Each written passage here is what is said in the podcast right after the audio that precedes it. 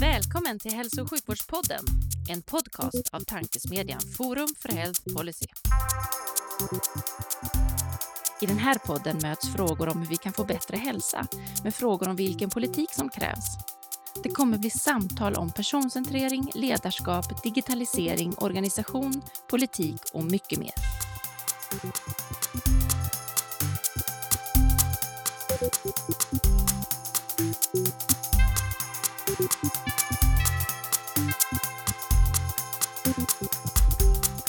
Hello and welcome to another episode of the Healthcare Podcast, the think tank Forum for Health Policies podcast, where we discuss the big questions uh, within healthcare with initi initiated people from from the healthcare system. My name is Magnus Leilev, and I'm an, I'm an ambassador for Forum for Health Policy. And beside me, I have two people. First of all, my co-host Livia. More than welcome to you. Yes, thank you. Very happy again to be back in the podcast. Um, my name is Olivia Holm. I'm also an ambassador for Forum for Health Policy, and my day job is with uh, which works in uh, fall prevention. That's good. We need to come back to that as well. Uh, yeah, for another well, time. uh, yeah, exactly. But but for now, we uh, we like to introduce our guest as well. We have a a guest that is an expert on the Finnish healthcare system, the Nordic healthcare systems, and and everything that's happening surrounding this. So welcome, Marko Rauhala. Thank you. Thanks for having me. Uh, you look like look like you're in a very good position. For for your listeners, he's sitting in the sun somewhere in Spain, and it looks like a perfect spot to to to record a podcast. How is your when Tuesday is it?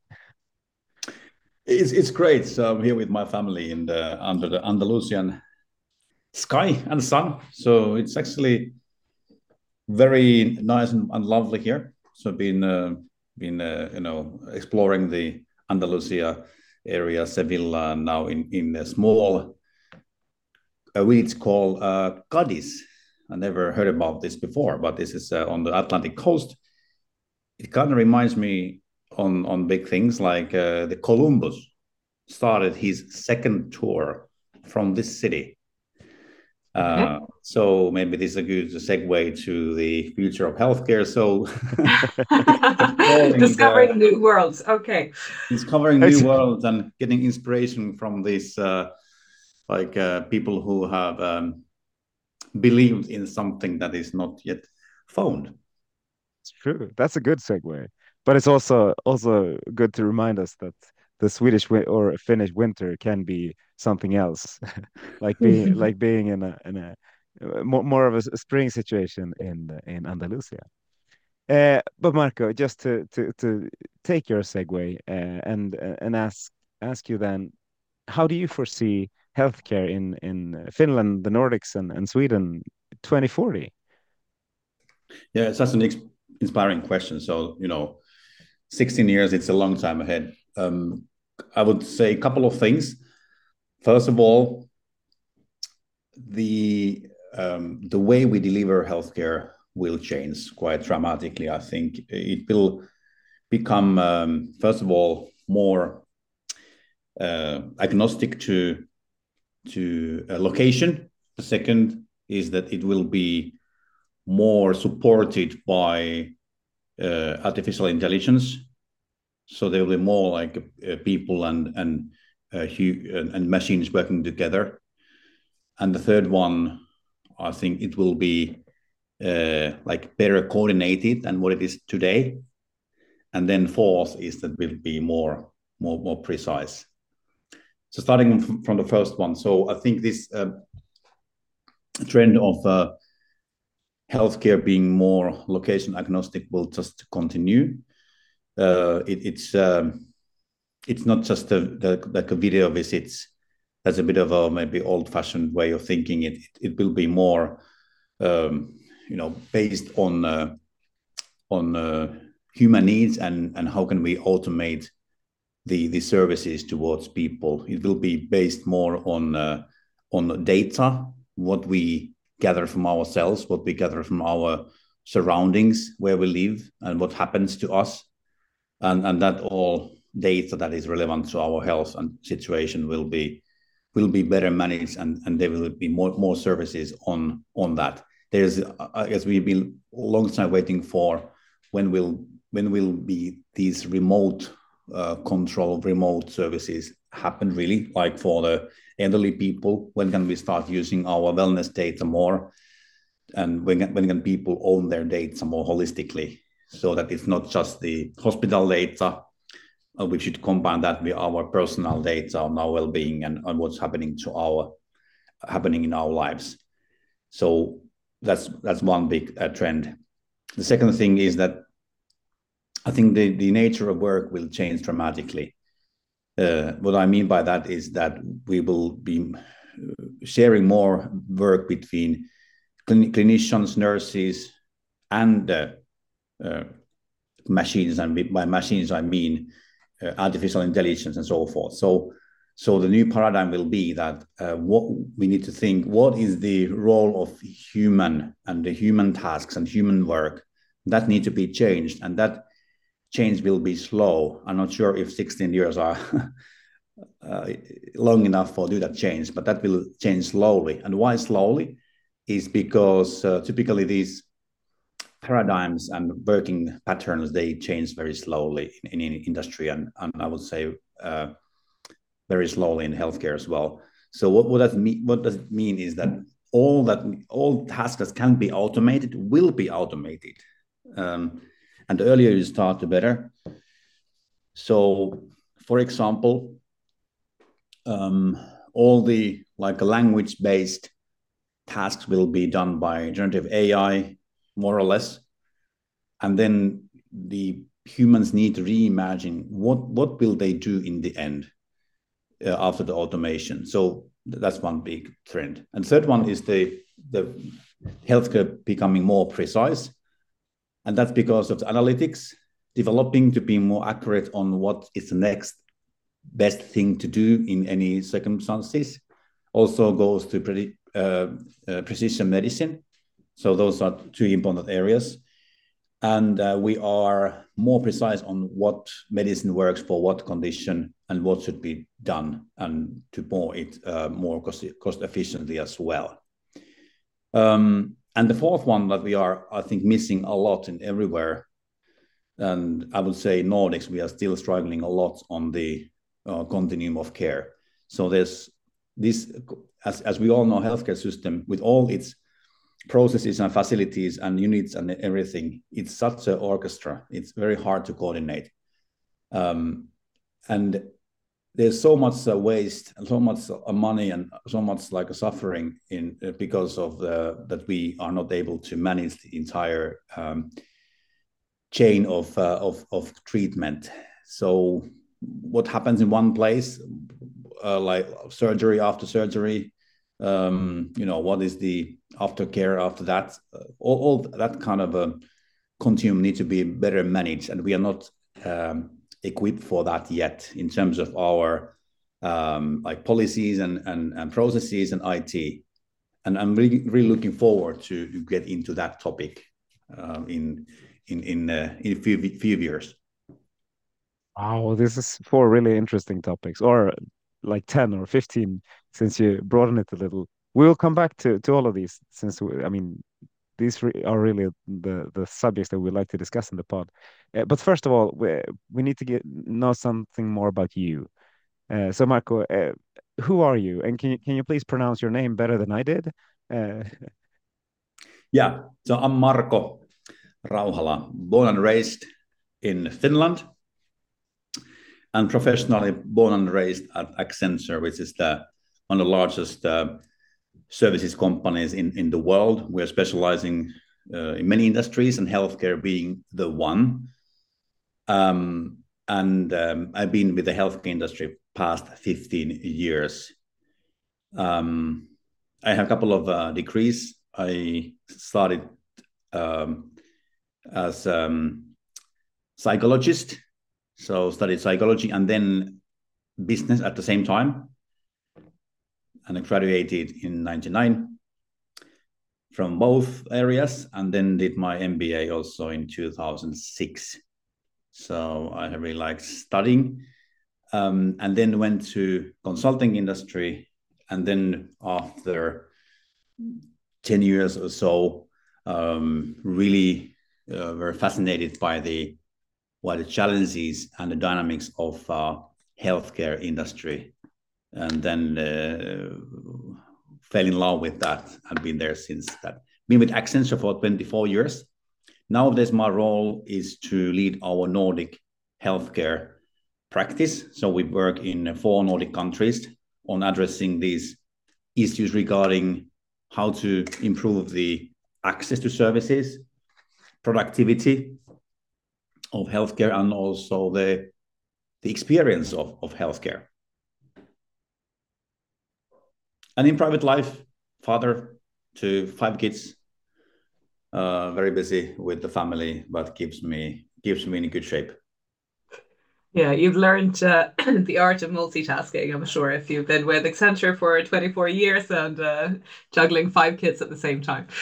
Um, but I, I get curious. So you've been, you said you're born and raised in, in Accenture. 24 years is a long time with one employer and, and uh, focusing on the healthcare system. So before we dig deeper into, you know, where we're heading with healthcare, what are your observations with sort of the big shifts or changes that have occurred in the healthcare system in the Nordics in the in the time you've worked uh, with these issues?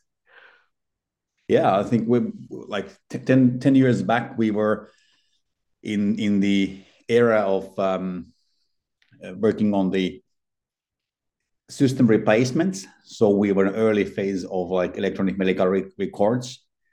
That that's the area where I have gained my like um, majority of my experiences in and then uh, like that that era we we thought that um, getting very uh, structured in, in data entries uh, and we were seeing that the patient safety and and the analytics are the key drivers for the change and we ended up in uh, in uh, you know, building systems that are very rigorous in data entry um, and we thought that you know clinicians then will be very motivated to to use the system and enter all that data to gain more analytics. And then also we had a paradigm of uh, you know making everything very safe and accurate, which is great. And and at the same time, what happened was that I think with the clinical IT, we also come into a place where we have uh, lost some productivity. So um, and what I'm excited about is that uh, now moving on, we can have technologies that can really pay back the time maybe we have a um, uh, let's say lost in uh, in some of the systems that we need to work on and be very structured and very like rigorous and uh, it has lost productivity based on our analysis maybe something like 15% uh, in clinician and nursing work and that has been uh, somewhat disappointing for the industry. So now we are in the phase where well, I'm really excited about it. We can pay back the time we have like lost in the previous years, uh, mainly because of the Gen AI possibilities. And I think we we owe uh, clinicians and nurses uh, a, a, lot, mm. so that they could um, you know do their work better and and you know uh, have a better experience at at work because at the end of the day, now the healthcare challenges are such that we are in a situation we, where we don't have the capacity anymore to um, um, run the system as it was. So we're lacking human capacity. We are have budget constraints. We have increasing demand and so forth. So it's about you know clinical IT being quite uh, complex and complicated at some point into into an era where we see that it can really uh, bring some productive benefits and really release time for the clinicians and nurses and this is like a payback time for them. Yeah. So how do you see i mean because i i would presume that the ambition with uh, introducing these clinical it tools from the beginning was to increase productivity. And then we've we've seen that maybe that hasn't been the case always. And perhaps with this new development we're we're you know uh, facing the same things or maybe it's something to be uh, aware of that uh, actually implementation of these systems will will uh, be crucial how we do that do you have any uh, sort of um, uh, reflections on how we might avoid uh, to end up in the same position with the new systems being introduced? What are important things for for decision makers and, and leaders in healthcare to take into account when we face this new introduction of systems that hopefully can increase productivity, you know, by some bit? Yeah, it's a great question. So first of all, I think there needs to be uh, rich data around this. So we can't uh, move on with uh, very little data. So the new systems are basically good in uh, in amount of data they can uh, store and they can, they can manage and have. That that's great. It, it's more on the um, how they use their work in, in, in writing and reading at work. So nowadays it, it, it takes something like 40, 50% of clinician time and nursing time to, to just read and write. And then in, there was an analysis done by a Finnish company, um, one private hospital that uh, they look at the nursing um, time allocation and it was 20% even less that they use for patient work everything else is reading, writing, coordinating, orchestrating, communicating, everything. So in the next era of systems, we need to do a couple of things. We need to make sure that we finally enter this uh, like the virtual typing means that there will be an uh, AI-based uh, system that can can listen to the conversation and and do the suggestion for the notes that's one thing. And we actually have an exciting project in Finland. We're working on, on with one of the well-being regions on this. So uh, proof of concept on this virtual typing. So the uh, mobile app is listening to what we say on the episode, and then it will make a suggestion on how to how it will be stored. This is like the big big change, a huge change if we can do that. I'm, I'm sure we can do that, and that that's where should we should look at. So uh, as a, like decision makers, we should look at um, how can we avoid as much as we can all the language related work that doctor and nurses do. Number one. Second, how can we avoid uh, typing keyboards? So we should have keyboards less future in healthcare. And, and the third one is that how can we um, use that uh, generative AI on the systems to take care of uh, many, many language related tasks like patient communication, uh, messaging, uh, summaries, all, all, all that kind of work. So, so the so main thing would be how can we let's say attack or handle this 50% of work in healthcare that is language related that in a, in a couple of years of time could be um, automated and it, i know it's it's a, it's a huge promise so in, in what industry can we say okay can can i provide you 50% cost saving oh wow that sounds like too good to be true but if we look at it, it's not that far away. But mm. it's also a question of uh, changing the work habits. And that's the biggest thing. The tech will be there as always. Tech will be there. There's a lot of people around it on big companies uh, in voice recognition and and uh, voice to, to to text stuff. But then you know how many people are on this uh, exploring and discovering this uh, change in working habits? That, that's a bigger question. And the fourth part to, to add to that is is that we can solve the continuum of care due to the fact that we can move information between different units faster than we do today because now now it's a it's a lag all the time. So when you come from the ambulance to to to the the hospital the information from the ambulance is not there before the patient which it should be and it could be. It, it's as a patient i just expect expect everything to happen. So it, will be interesting to see where that will, will end uh, one of the the good thing with this with having a podcast like this is that we can uh, learn things from different parts of the world. And we have learned from from a lot of countries. But finland is uh, to some extent uh, we we haven't explored it as much as we would like to. We've been discussing Findata quite a lot since that's been the hottest topic from from finland the, the last couple of years. But can't you describe uh, how does finland stand out uh, in the nordics from from your perspective when it comes to healthcare? Yeah, I think I'll, I'll highlight a couple of areas. So recently, um, uh, especially on the virtual health, I would say quite uh, quite powerful services.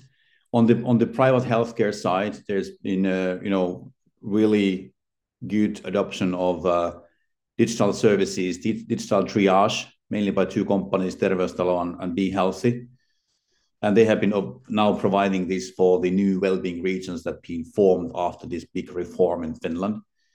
Um, so they provide really good triage on and a really good automation.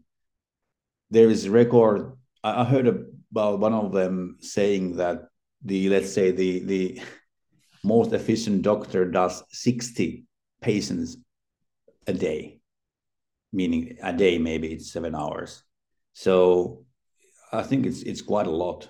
Uh, you know, ha- handling 60 patients uh, per day uh, through these services where you have a you know very automated protocols you have automatic responses so when when the doctor is typing you, you see them typing but they're not typing they're just choosing the uh, verse and paragraphs on different things and it's very efficient so this is really really good and i'm really looking forward to the now the, the public sector to adopt this. That's one thing digital services. Second is the is the use of ai i. Know all countries are working on it but a couple of examples. In uh, helsinki uusimaa hospital a secondary healthcare hospital excellent work on mental health uh, virtual services. Excellent example on you know never infinite demand of that service mental health regarding now regarding in this case youth uh, anxiety and, and depression so what they did they kind of uh, copied themselves their services into virtual world under the uh, service called milli it's called milli.fi I guess, I guess it's in, in Swedish as well because we are bilingual country. So uh, so you can we can try it milli.fi. So the point is, instead of uh, human capacity that is always um, finite, they could do seven thousand more visits per month. Seven thousand more visits per month. Of course, those visits are that that youth are you know seeking some advice on I'm feeling depressed or I have this and that uh, thing happen to my life. What should I do next? So it's not like a treatment. It's more on giving the immediate support, perspective, guiding, uh, you know, tests and everything. So you get some kind of response whether you you go there at 4 4 a.m. in in the morning, so that you don't get go, get in the hospital at that point. So that's really good example. Um, and the third one, um, I would say, is that there is some really good uh, thinking and progress in the in the social services, which is part of the Finnish uh, healthcare concept. So social care typically has been a bit of a, a lagger in the adoption of IT, and and they've been sometimes criticizing that you know healthcare gets all the investment and so forth. So social care now being very language related and oriented. Uh, you need to do, for example, child support case. You need to do a, um, you get a like a notification on some uh, risks, and then you do uh, look at different systems. You do a risk profile of a child, and then you start to do some kind of summary of things, what happened, what was recommendation.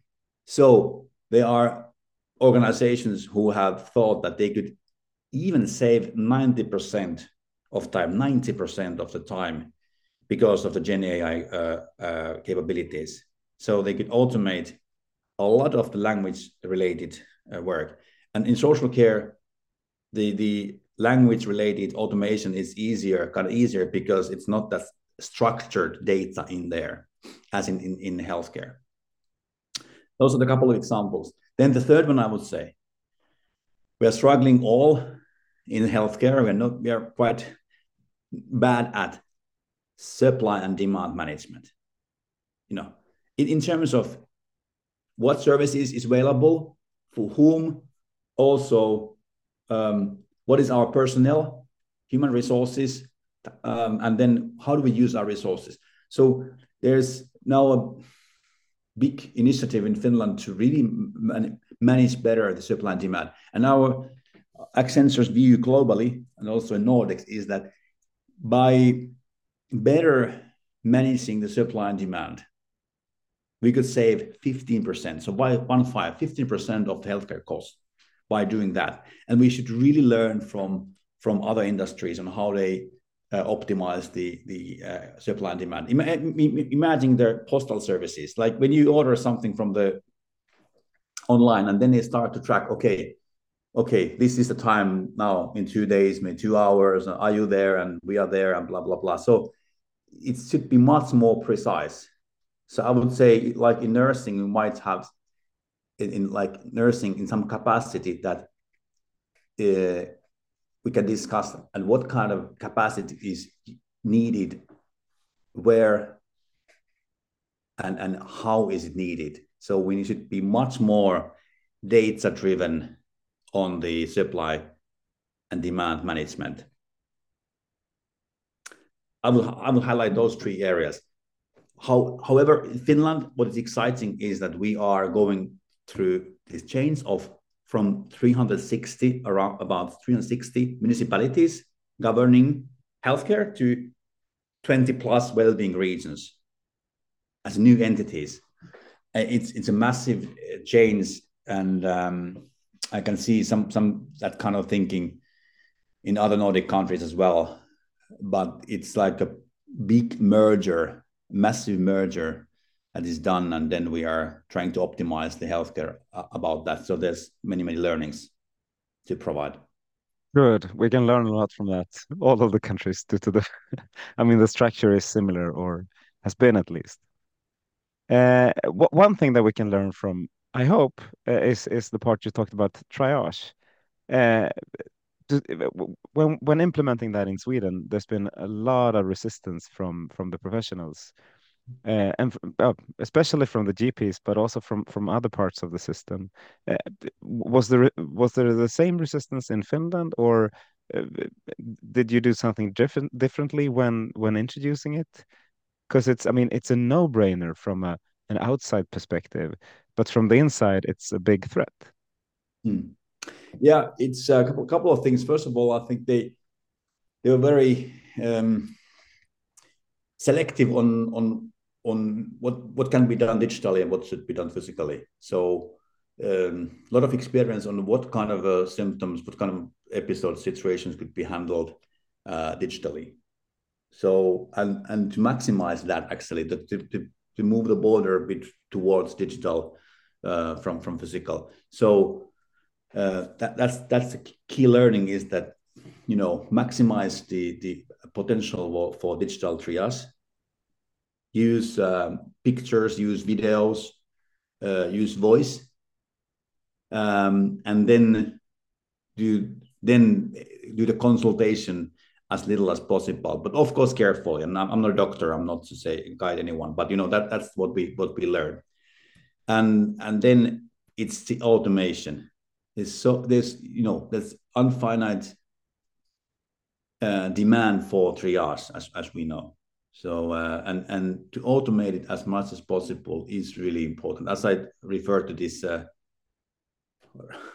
record doctor you know running 60 patients a day uh, so so really learning from the ones who do it most efficiently so how they do it how they run it how they like how they process the, the whole uh, whole triage. So that that was the one. The one big area that we are, are struggling and we are finding solutions and we are working on is the emergency care. There's as we all everywhere overflow of patients coming to emergency care for various reasons. Majority for good reasons right reasons but it can happen that there's an elderly person coming to emergency center for updating medication or there's something um, concern something that could be handled remotely So the model is too physical, it's too raw, it should be more hybrid. So we should, of course, people, when people have worry, if I have a when I if I was a child, I, there's a worry. I just you know I rush to the emergency center, but still there might be in this world of digital data and all this video and, and great services, we could make it more hybrid so that we could push services towards the people at home wherever they are and see and try to manage the flow of um, of, of patients to emergency care. That, that's an interesting uh, project we are working uh, on with uh, also Helsinki Uusimaa Hospital District to see how could we affect this with uh, chatbots, um, doctors on video, uh, data, um, calls, everything. Everything is like a more easier and cheaper uh, to do than do the let's, let's, let's say handle the wrong things in the emergency care. That's a big trend I can see. Mm.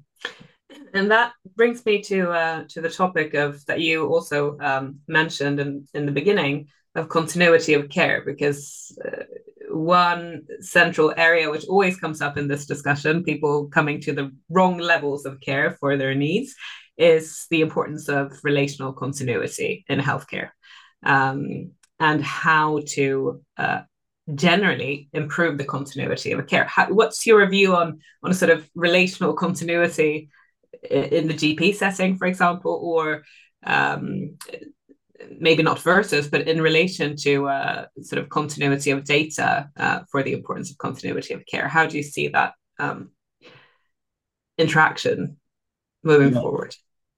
It's, it's, it's a very promising area. First of all, we need to technically it's uh, we all we all set for that uh, to do, but the IT systems as they are now are not ready yet. But technology-wise, we are ready. But existing, existing system, systems are not so well supporting it. The most important thing is that we need to look at um, the the all the policies and uh, and rules and data privacy things re- regarding this. So what we have uh, learned in Finland is that we we we try to, for example, do the coordination between social care, healthcare, uh, primary healthcare, and secondary healthcare, but we didn't resolve these uh, uh, issues on, on on data privacy. Who can look, who can look at what data? What can uh, doctors do, and the nurses and, and, and social workers? So it was such a big effort and it kind of uh, uh, failed to deliver benefits because of the complexities we build on this. So let's let's really have the right vision and do all the uh, make all the preconditions right for this. But what it requires from the systems is that needs it needs really have a more on the like the these enterprise resource planning capabilities so these existing systems in the healthcare EMRs are really focused on the treatment and, and the only.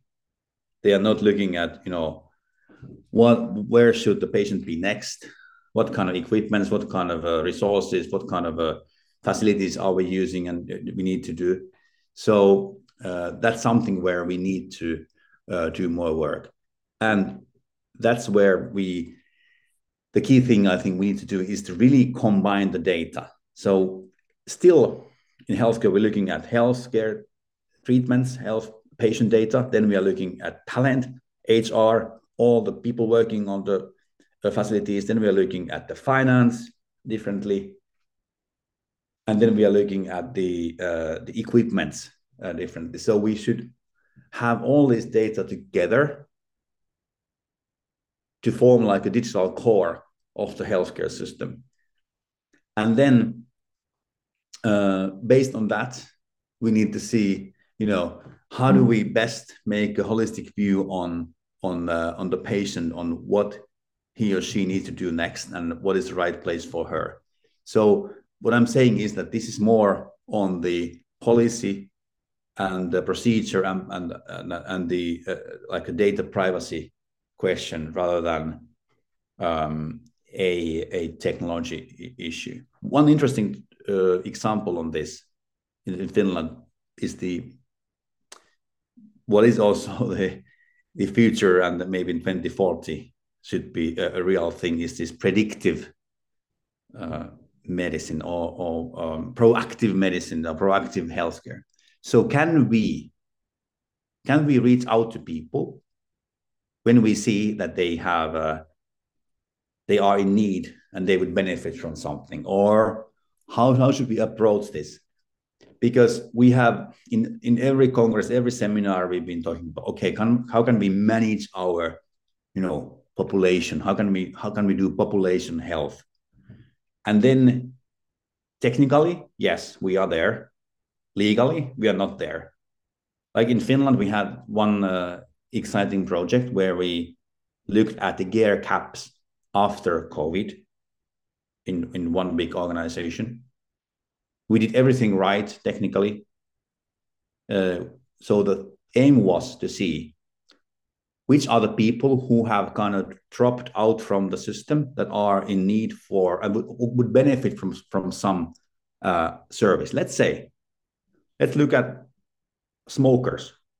Okay, if they are, if if you know that these these people are smoking or they have some other thing, um, can we approach them and say, okay, would you like to do this and would you like to do that? And then we enter this question on how, first, can we approach people if we don't have a relationship of this uh, treatment uh, relationship with them or not? Number one. Second, and that's, that's maybe the easier question because if, if and in Finland we solve, we resolve this that if person has been at some point uh, around this matter, uh, then we can approach him or her. The more complex thing is that is the equality. That if I approach the 100 smokers with some good uh, suggestion on what to do and improve their health, do I exclude the other ones who might be smoking, but we, we don't know about them? But in Finland, this pro- whole project ended because uh, uh, because there was a um, legal review done. So we couldn't approach these 100 smokers because that would be not equal the other ones who might be smoking, but we don't know about it. You, you follow this? It's quite uh, quite interesting. So I think I just wanted to take this example because to show where we are in this, where is the technical capability is there. I think intent is there. All everybody's talk about talking about this predict uh, proactive care. Mm. But then the reality is here, at least in, in, in Finland, and there's something we should really discuss that um, what is something we want to do in this situation where we are in mm. healthcare, all these uh, all these challenges. And that leads to a couple of things. We have been discussing prevention a lot in this podcast and in, in Sweden. Uh, and prevention, that is something that's taken care of outside of health, the healthcare system, even though it's it has a lot of implications to to the healthcare and and to to the patients. And and as you talk about these smokers, that shouldn't be something unknown. That should be should be linked to to the health data for all the patients, all all, all the uh, everyone in Finland should be involved even long before they are patients. Uh, so, so, that is, I mean, how has the discussions on health data and and prevention been in Finland? Another small topic. yeah, so it's um, exactly so. The, the, the example I just highlighted is is the is the reality. So so there is a strategy on on do that. However, we work on this on a very non-technical, low-tech way. So if if uh, if you come to my appointment and then you know you, you say to me that you you like would smoke, and I, I'm able to coach you and recommend something. But we what but we can't do any data for that. So so the, I would say on preventive care, the system data that, are, that is in the systems we have cannot be used for identifying people, uh, reaching out to people, communicating any suggestions for them. Isn't that uh, isn't that quite uh, quite interesting? Because and it's that, so strange. strange when, potential lies. Yeah, and when you have come so far when it comes to triage, um, I mean, for me, the the good thing with with combining the data from outside the healthcare system, the I mean, the smartwatches and the the telephones and so on then you can then i mean then you can be much more prepared for utilizing these kind of resources so it's so strange uh, that, mm. that you do some things but you exclude a lot of important data mm. but uh look i'm curious because the way that you describe it i mean the technology is there uh, we know how we can build these types of, of uh, solutions and infrastructure but clearly the, the sort of main barrier to uh, to these uh, benefits being able to uh, to sort of flourish as uh, policy, right, and and legal frameworks and and how we use the data and uh, who can access the data and so forth. What's your view on? Do you have any sort of top three policy proposals that you think uh, should be implemented in order to realize this? Because otherwise, I mean, to me, listening to you, there's huge potential with generative AI uh, both in prediction, you know, prevention, etc. But if we don't solve solve this, then then we might end up with a similar situation as with the sort of legacy IT systems where we have a lot of manual, you know, additions to how we handle these things, and it might be different for different populations and so forth. So, how do you view that? How can we overcome these barriers? I think two things. Uh, one is the the uh, approach to um, so-called permission. So now, um, in this like prevention services, we need to have the permission first, and then we can approach. I think need, this needs to be changed to that we can approach, and then if person says no, that's fine. We appreciate that. That we respect that. That's that's fine. If you want, if you don't want our help, uh, that's fine. So that, that's first thing needs to be changed. Second thing is that um, is the view on this. Um, I know this is a political and uh, but any on this equality thing. Is it really true that uh, if I don't smoke and I don't get this uh, recommendation on on uh, on what to do on to not to smoke or whatever so is it really true that it's uh, not equal service to me? So this needs to be like calibrated into this era of uh, of uh, of technology and uh, what can be done, and there needs to be a really like a political discussion on this. Um, I know it's it's a sensitive area, but given the challenges where we are in healthcare that, that it's so severe that in Finland, for example, we are running out of uh, a run out of capacity. We are run out of budget. Uh, we need to uh, cut our services, prioritize a lot. So we are going down in the ability to serve people. I guess we need to have a really dis- political discussion. Is that the right way to do it, or could we uh, have a different approach and and, and try to manage our population better uh, to avoid the cost of people getting sick and, and get, getting to the uh, hospitals and, and going to the uh, more expensive services. So we really, really need to rethink um, what is um, what is equal and what is not. So all this like uh, uh um, these policies should be reviewed. And now, now in Finnish new government is doing that. Um, we're looking forward to results on how can we really jump into this uh, this train of technology to see how can we better manage the health of people. Because we all know the earlier we catch things, the more uh, um, the more efficient it will be, less suffering, less cost. Um, you know, it's uh, good for everybody. A lot of these topics are, are kind of similar over the Nordics. There's a lot of differences, of course, uh, but but still, I mean, we have we have the same issues when it comes to prevention, to to data, when it comes to, uh, I mean, access to healthcare and and and and the people working within it and so on. Uh, what, what, you have a role that is Nordic, uh, which means you, you cover a lot of regions, a lot of municipalities, a lot of different private actors. What, what do you say about are we cooperating enough? That's a leading question. And, what can we do more? I think there's a lot of potential for cooperation in, a couple of areas. I guess we we share same values, um, same approach.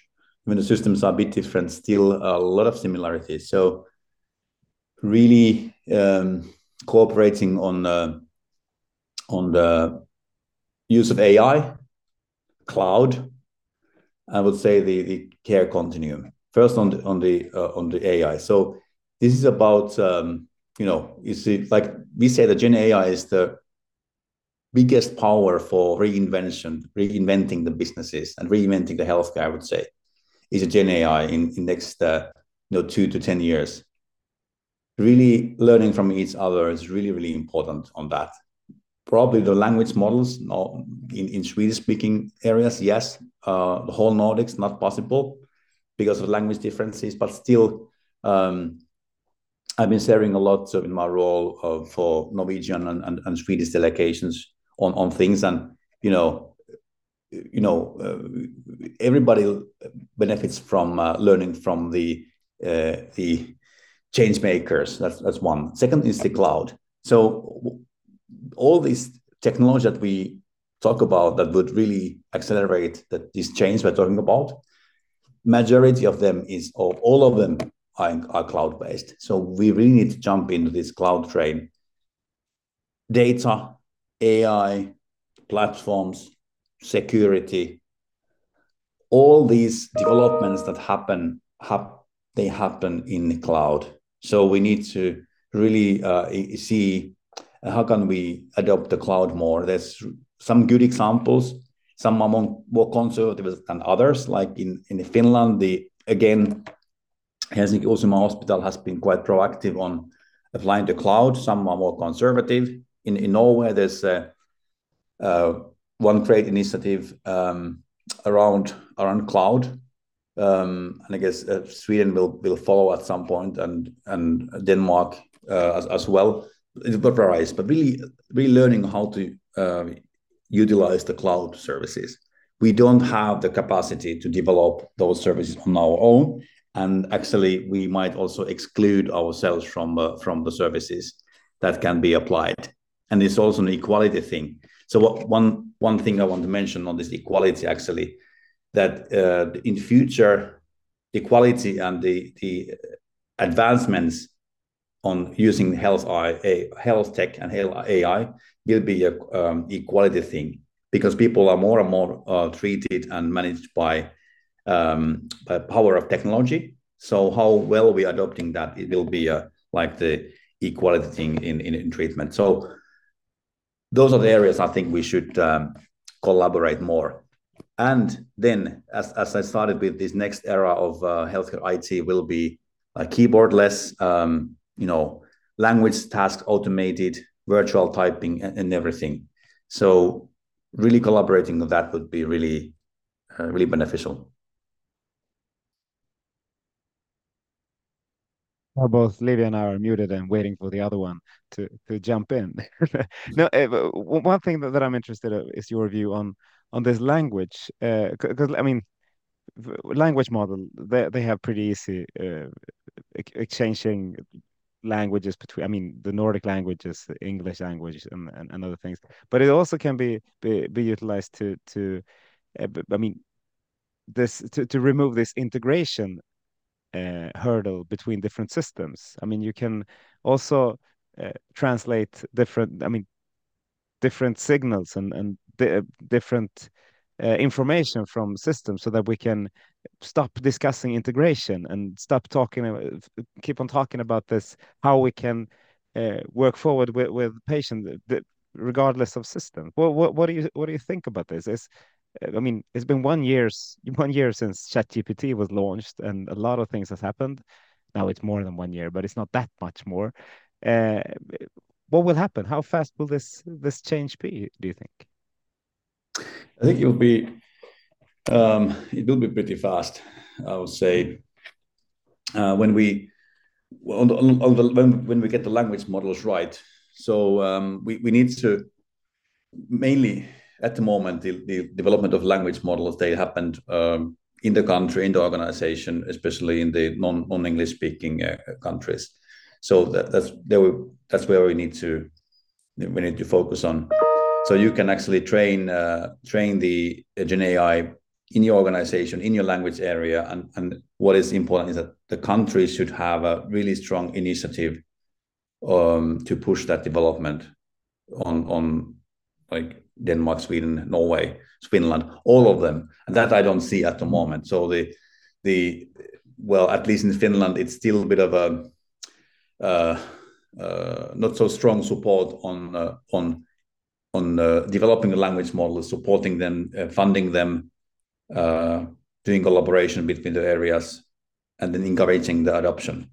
So and then but in, in the in the in the future also the systems will de- will uh, develop so that uh, they will uh, be more more like uh, automated and they they can like the systems can listen to to themselves and understand what, what what's happening in the process and what should be done next that's what interesting development and i agree that this kind of a let's say classic integration need will uh, will uh, will be less needed. So there will be uh, interesting tech on uh, on how to uh, how how the machine will read and understand the process, what the person is doing, and what he or she should do next. That's that's happening in the ERP systems now mainly, and uh, I guess that should be coming to the uh, the healthcare systems as well. So that will help the the care continuum um, when we have the all data uh, together in, in the same place. So there will be there will be a lot of uh, accelerators that we should look at, and therefore the the change makers are really important. So um, we should really uh, have one foot on the today uh, many many organizations are still working on the EMR replacements, the the let's say the basic system re- replacements. That's fine. Um, there's still a big movement on that in Finland, Sweden, Norway as well, Denmark. But the, the other foot needs to be in the future. So we need to constantly try, develop, test, and gain learnings from uh, these Gen AI supported uh, processes and, uh, and, and models. Because we will regret that if we don't do that. We will regret every lost year uh, in healthcare when we haven't uh, automated things because we just uh, we just run out of capacity to serve. And as you say, there's a lot of discussions on data and AI and and technology. Uh, another big topic right now is is the people working in healthcare and the few people working in healthcare due to the i mean if we will change everything then we might be enough people going forward. But the feeling right now is that we are too few in all the nordic countries. Uh, people are leaving healthcare due to the fact that it's a tough environment. Uh, and i mean it's it, people would like to work with with more high tech things uh, and, and, so on what, what is your view on on the staffing situation in uh, in in the Nordics, and and will we solve that, and how we will we solve that? Yeah, it's really hard. It's a great question. It's really hard. Uh, no, I, I think it's not resolvable with the existing uh, tools we have if you don't really adopt this uh, like a human plus machine mindset on, on things. So I think we, we uh, I'm, I'm, I'm sorry to say, but I think we a bit of a lost that game because we don't have people coming to the uh, labor uh, force. Uh, again, there are people retiring um, uh, from from the group, um, and then people are leaving, and then the demand is increasing. So the the the the I think the only way forward two two ways.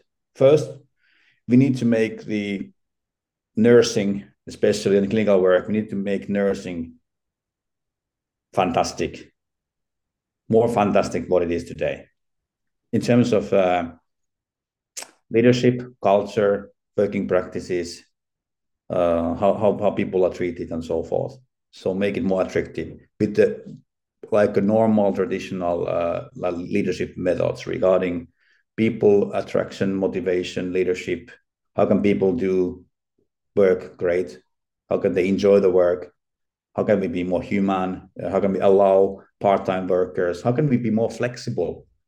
So we should, when we look at other industries, like look at my industry, like IT consulting, we are very flexible on on we put the people first, and we are very flexible around the people. How can we? How how do you want to work? What's best for you, and so forth. So respect for the individual first. Second is to, to adopt the technology. So we need to release that 40% of the time that is now done by nurses and clinicians and administrative workers for uh, routine tasks that could be automated. And we need to do it fast. And then when we remove that 30, 40% of uh, language related communication, coordination uh, things, then we need to reallocate uh, the work again to make it 100% uh, roles again. And and then we need to rely on on the uh, uh, like other forms of of workforce like chatbots, gig workers, and and like remote workers. Like in in in near future, we can do a lot of uh, like we can monitor a patient in the room and make a, a summary of his or her situation uh, that typically a nurse nurse will write down, and then do that like suggestion on, summary virtually, and then some maybe doctor nurse who is not uh, fully capable on doing the physical work at the hospital could just check it um, as a virtual nurse and and do the do the system entry of of um, of the patient data. So we need to be more creative on how do we use it. And then when we, but there's one thing, we, we when, when we automate the routine task, we cannot make the nursing job more tough because people sometimes the, the routine works are sometimes when our brain is resting a bit. So when we remove the routine tasks, the challenge is that when then we only have the difficult things left.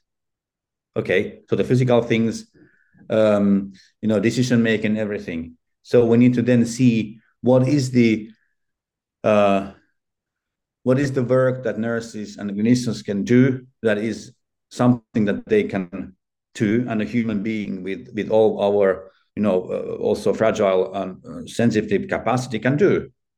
So there's a big change we need to do in order to tackle uh, uh in order to resolve this uh, labor shortage issue. Great.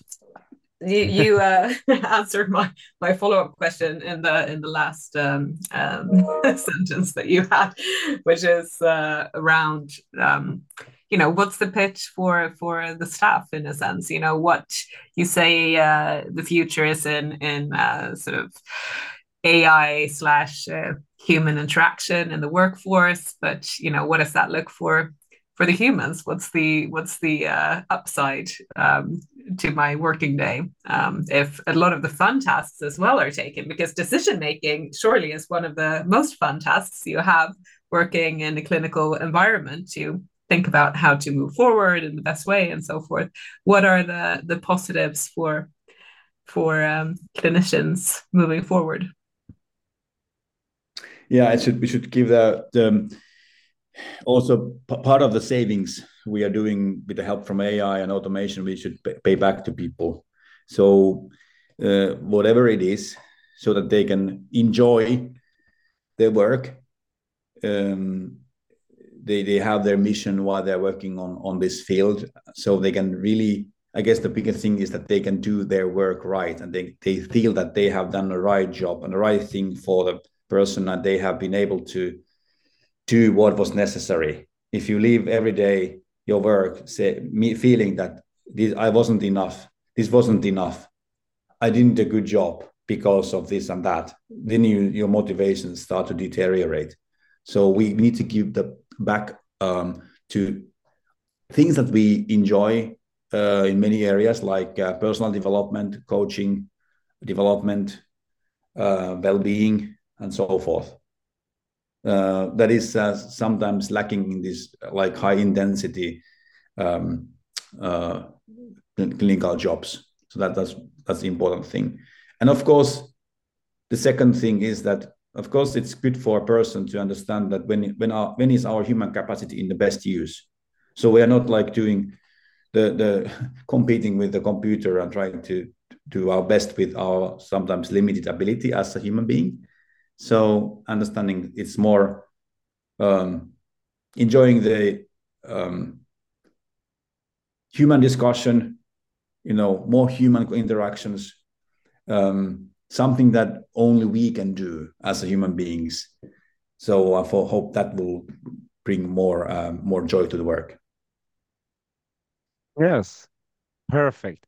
Uh, we've been talking for more than an hour now. Uh, it's uh, from your side, you have been asked a lot of hard questions, some easy, of course, but most of them are kind of big. Uh, was there any questions that you had that you lacked that you would like to have answered that me and Livia hasn't raised at all during this this talk? I think we have covered pretty um, comprehensively all the all the important topics. I think this change how to make the change happen is really important.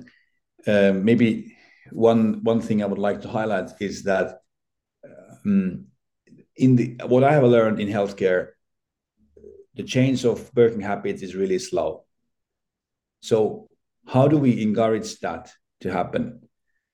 Um, is that first of all we need to look at education. We need to take the human plus machine ap- approach to the education for clinicians and, and nurses and admin uh, workers so they learn from very beginning that the, the, the, best nurse and clinician is the one who is using um, these tools that is available to to com- complement and augment our capacity. So we that's that becomes uh, like the paradigm for the people. Um, and then for for the second for, for, for those who are working already in the in the field really making the in- incentives right and the process right. So we should do uh, experimentation and studies on uh, on how to make this shift from uh, human tasks to to uh, to to machines as much as we can. And then what is the more hopefully inspiring content of the work? And how can we learn it and unlearn what needs to be unlearned in that? And what are the good stories we can build? And that is something i would really love to see happening and organizations uh, uh, testing more and and building narratives on this is the future of uh, nursing this is the future of the clinical work is something believe in we, we believe in it and build the positive narrative around that and positive momentum to attract people to, to follow those uh, change makers. Perfect last words for a podcast. Thanks a lot, Marko, for for joining us in in the healthcare podcast, and thank you, Livia, for uh, for being with me. And thanks everybody that's been listening to this podcast to the end. Uh, it's uh, let's go out and, and make healthcare even better in the future. Thank you. Thank, you. you.